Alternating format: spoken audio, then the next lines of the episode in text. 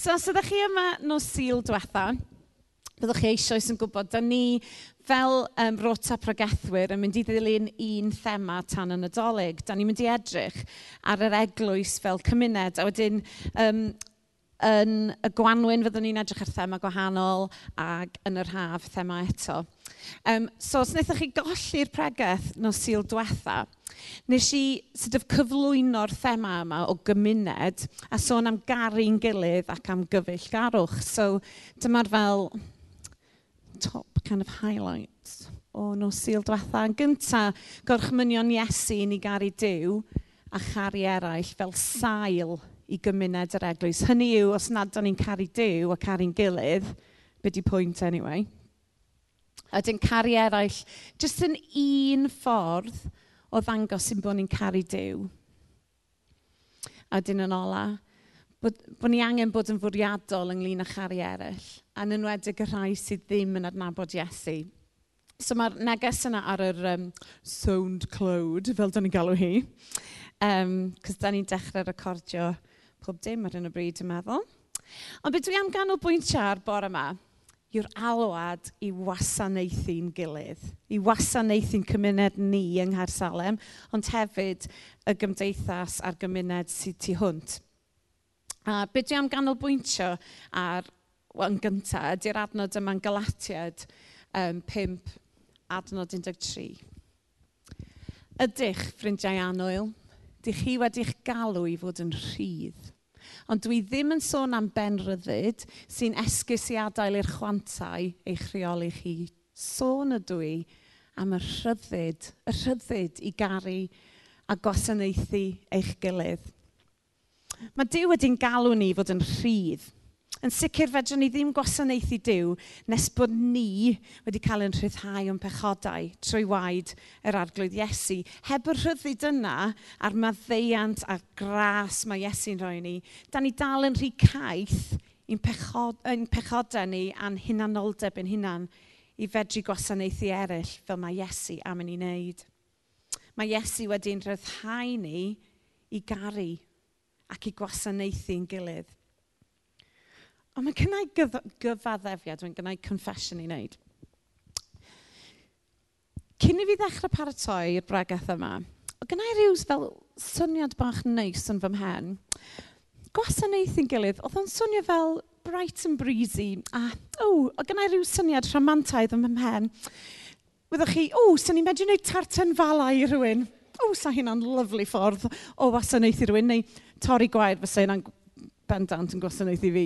Neu bod ni'n babysitio plant yn gilydd a bod hynna fel darllen storys i fel, oh, mae'n lyflu. Neu cerdded hen ladies ar draws y ffordd. Na, Neu, Da chi'n chi fyw bore yma, da chi fel... Ugh. Ond dyna be oedd yn ymhen i, gwasanaethu'n gilydd, bod yn neis-neis efo'n gilydd. I mean, pwy sydd ddim eisiau tartan fala? Good question. Maen nhw gyd yn pethau da, wrth gwrs, ac yn iawn yn ei amser, Ond nid hynny nath diw roed ar nghalon ni. A dweud y gwir, neges eitha heriol sydd gen i chi bore yma, neu o leia mae di herio fi yn fawr. Dwi am droi at ail lyfr Samuel, penod 23 bore yma. A byddai'n darllen o adnod 8 ymlaen. Ond mewn gwirionedd, dim ond dau adnod rili really fyddai'n canolbwynt siar. Ond cyn i mi ddarllen yr adnodau yna, chydig bach o gyd-destun.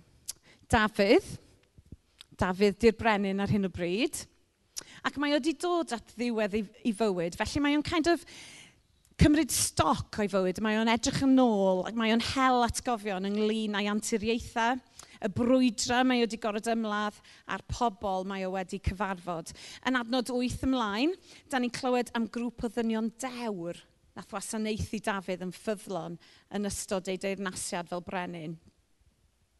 Nid grŵp o fel gladiators nerthol oedd nhw, ond mwy fel y dyn yma ar y dde, really, chdi bach o wimps. Is da rhywun ar dan? Na? Ooh, much. OK, so ddim gladiators oedd nhw, ond rhyw fath o wimps. Lle ydw i yn fy adnodau?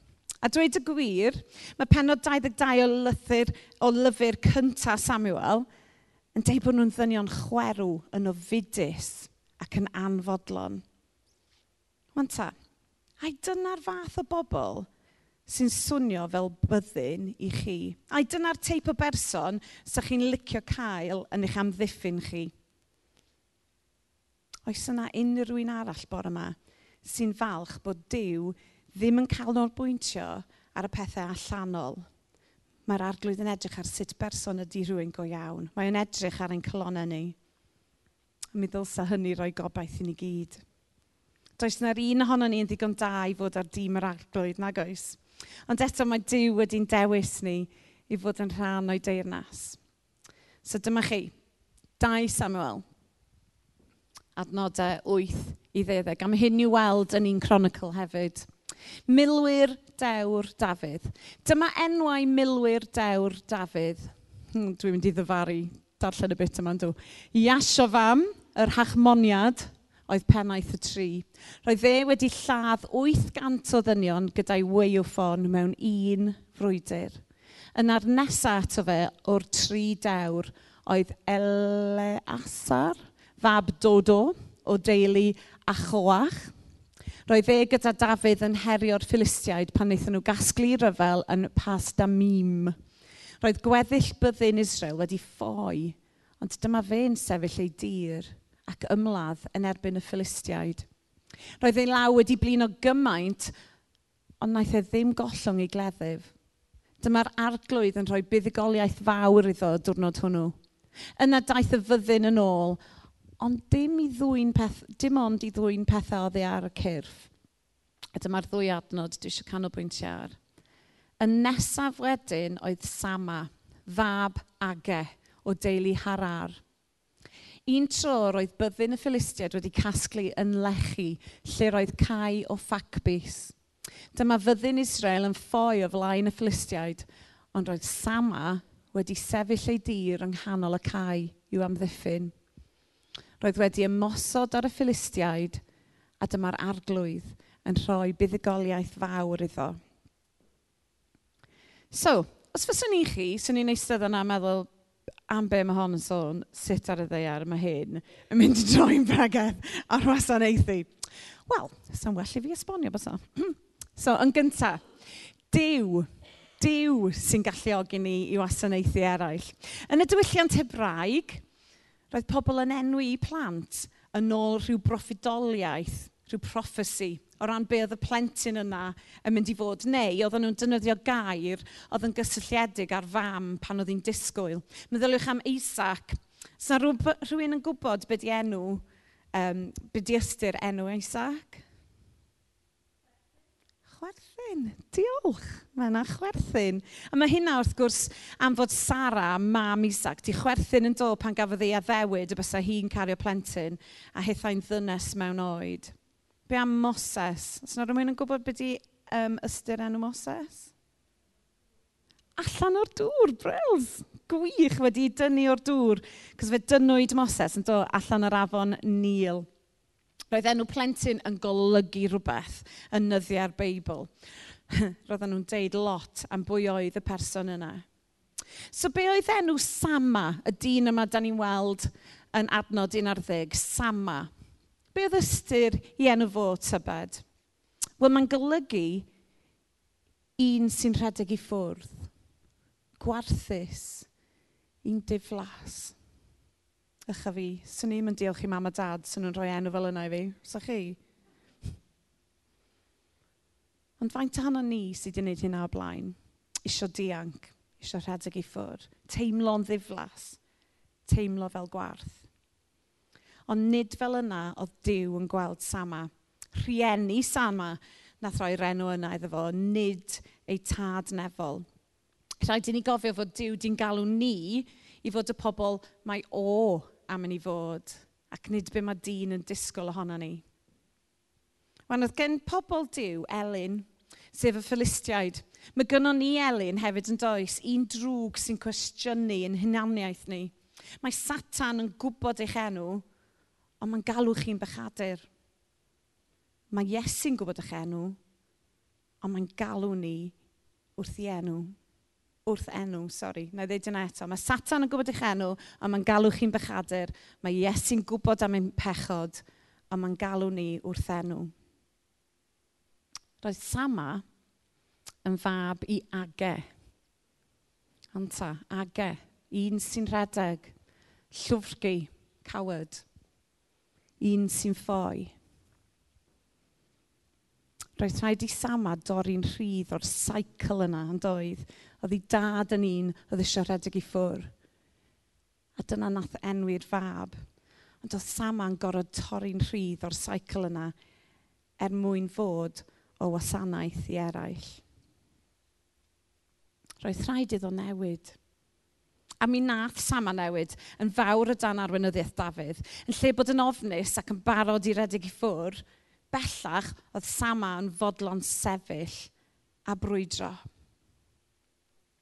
Tybed oes yna rai pobl yma bore yma sy'n teimlo'n fregus. Ella fod y gorffennol di brywio chi. Wel, bore yma, peidiwch â gadael i'r gorffennol ddiffinio chi. Mae Dyw am roi enw a galwad newydd i chi. Dyw yn unig sy'n galluogi ni i wasanaethu eraill sy'n mynd â ni at yn ail bwynt. Mae gan bawb maes frwydr gwahanol. Mae gen bawb, pob un ohono ni, yn battlefields yn hunan. Fe ddaeth y Philistiad i gymryd cae sama. Ffacbus oedd yn y cae, lentils i chi a fi. Hm. Doedd ddim exactly yn cae llawn o olew na diamonds, nag oedd lentils ffa oedd yn tyfu yn y cae bwyd y pobl tlawd ar y pryd.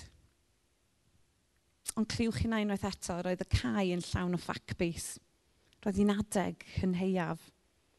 Dydy'r un drwg ddim yn brwydro yn herbyn ni, os nad oes yna gynheiaf. Mae'n ymosod pan mae yna rhywbeth i ddwyn. Alla bod chi yma bore yma ac yn teimlo'n isel, yn, yn flin, neu'n orthromedig. Peidiwch a roi give up ella mae'r rheswm fod yr un drwg yn ymosod arnoch chi yw ei fod o'n teimlo o dan fygythiad. Daliwch eich tir. Daeth y Philistiaid do i ddwy'n cais yma. Tybed beth eich maes frwydr chi? Y gweithle, eich priodas, eich plant, ffrindiau, gweinidogaeth, yn brwydrwch amdani. Ddim yn llythrenol wrth gwrs, da ni'n sôn am tynnu rhyw arf allan a brwydro. Da ni'n sôn am frwydro mewn gweddi. Brwydrwch mewn gweddi am yr hyn mae'r un drwg yn ceisio ei ddwyn.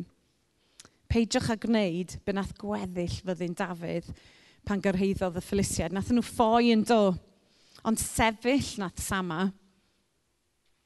Mi fydd yna adegau pan fyddwn ni'n teimlo'n hollol unig ar faes y frwydr, ond peidiwch ar adeg i ffwr. Dim ond sama nath aros i frwydro yn erbyn y Philistiaid pan nath nhw ymosod. Pam? Wel am fod o'n caru'r union bobl nath redeg i ffwrdd wrtho. Na i ddweud yna eto. Pam oedd Sama di sefyll? Pam oedd o di aros o sefyll? Am fod o'n caru'r union bobl nath rhedeg i ffwrdd wrtho. Mae gen bawb maes frwydr gwahanol. Dych chi'n cofio fi'n dweud ar ddechrau'r bregaeth, mae'n nid neges neis neis oedd hon. Wel, cysidrwch hyn, dydy gwasanaethu pobl eraill ddim yn glamrys. Dydyn nhw ddim bob tro yn mynd i ddiolch i chi a fi. a weithiau, fydd hyd yn oed y broses o wasanaethu nhw yn yn rhoi ni mewn sefyllfa lle mae'n teimlo fod gynnu ni fwy i golli na sgynnu ni ennill. Ond roedd Sama am wasanaethu eraill trwy amddiffyn y cae. Ymysododd y gelyn er mwyn lladd y milwyr a dynistro'r cnydau. Pe bai'r Philistiad yn medru dwy'n bwyd y milwyr, bysa'n hawdd trechu nhw. Tybed, a da ni yn caru'n teuluoedd, ein ffrindiau, ein teulu ysbrydol ni yma, ddigon i frwydro yn ysbrydol dros nhw neu ydan ni'n bobl sydd just yn mynd i rhedeg i ffwr? Dych chi eisoes tybed wedi gadael yr adeilad fel petai? Mae sefyll yn gadarn a brwydro yn gofyn i fod yn ddewr sy'n dod â fi at ymhwynt ola. Wrth i Sama sefyll ei dir, enillodd Dyw y fuddugoliaeth iddo So dyma chi 2 Samuel 23, 11. Dyma fyddin Israel yn ffoi o flaen y Philistiaid, ond roedd Sama wedi sefyll ei dir yng nghanol y cae i'w amddiffyn. Roedd wedi ymosod ar y Philistiaid a dyma'r arglwydd, yr arglwydd yn rhoi buddugoliaeth fawr iddo. Hwre! Chydig bach o newyddion da. Dyma'r arglwydd yn rhoi buddugoliaeth fawr i Sama. Dyw nath alluogi samau sefyll i frwydro ac i drechu'r gelyn, Dyw nath ennill y fuddugoliaeth. Gael jyst orffen trwy ddangos dau ddelwedd i chi. A mae'n rili really pwysig bod chi'n ynghlywed i'n iawn. Peidiwch â darllen i fewn i be dwi ddim yn ei ddweud yma.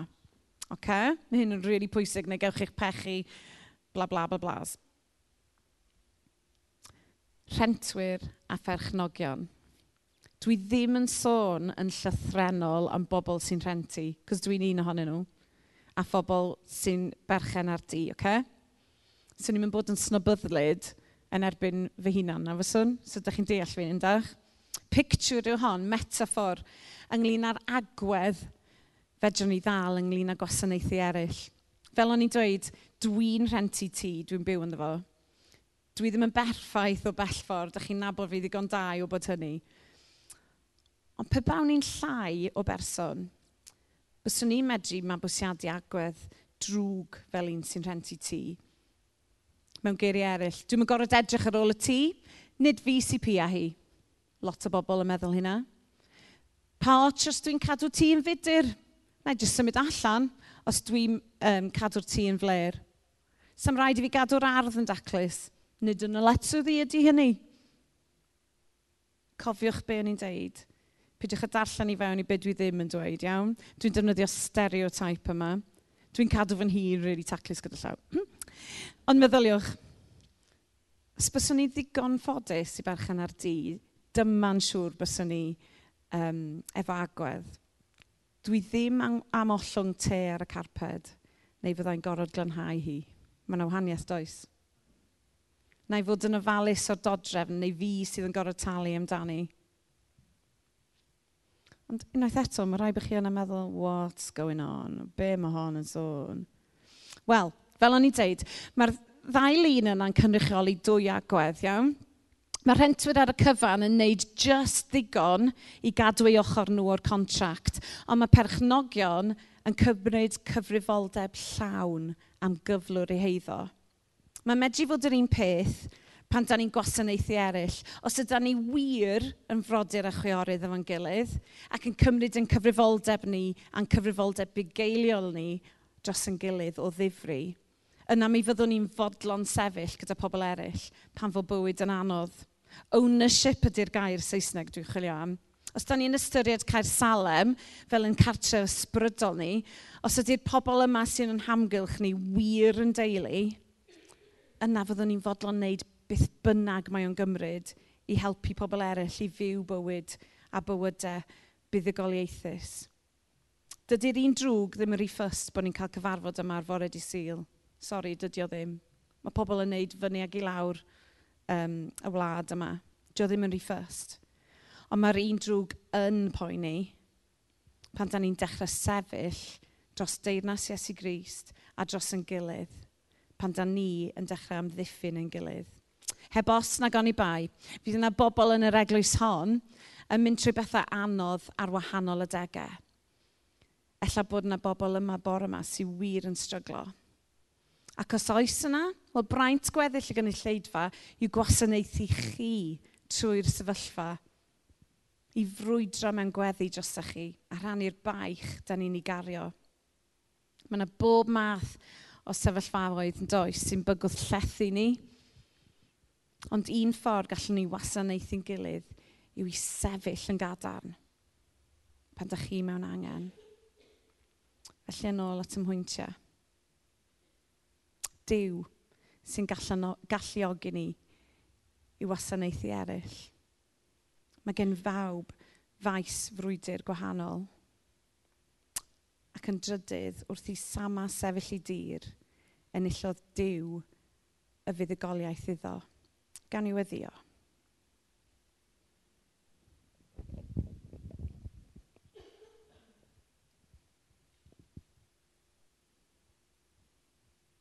Arglwydd oedd Sama yn fodlon sefyll ei dir dros un cae o ffacbys arglwydd, mae rhaid i ni cwestiynu'n hunan. Fyswn ni'n fodlon sefyll ag amddiffyn fy mrawd a fy chwaer. Fyswn ni'n fodlon amddiffyn nhw yn y ffordd yna i frwydro mewn gweddi dros nhw. Fel na dydy'r un drwg yn cael y buddigoliaeth.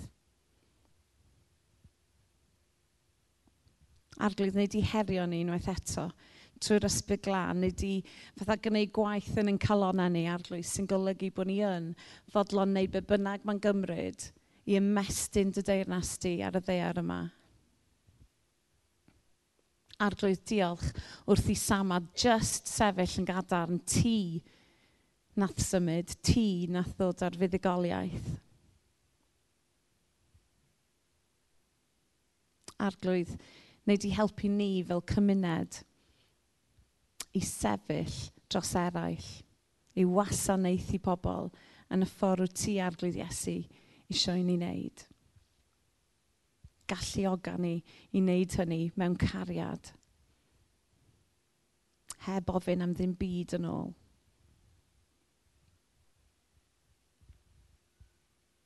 ei arglwydd, neu di roed sel ar dy air di bore yma, neu di atgoffa ni ohono fo yn ystod y dydd ac yn ystod yr wsnos sy'n dod fel bod ni wir yn dod yn debecach i ti arglwydd Iesu.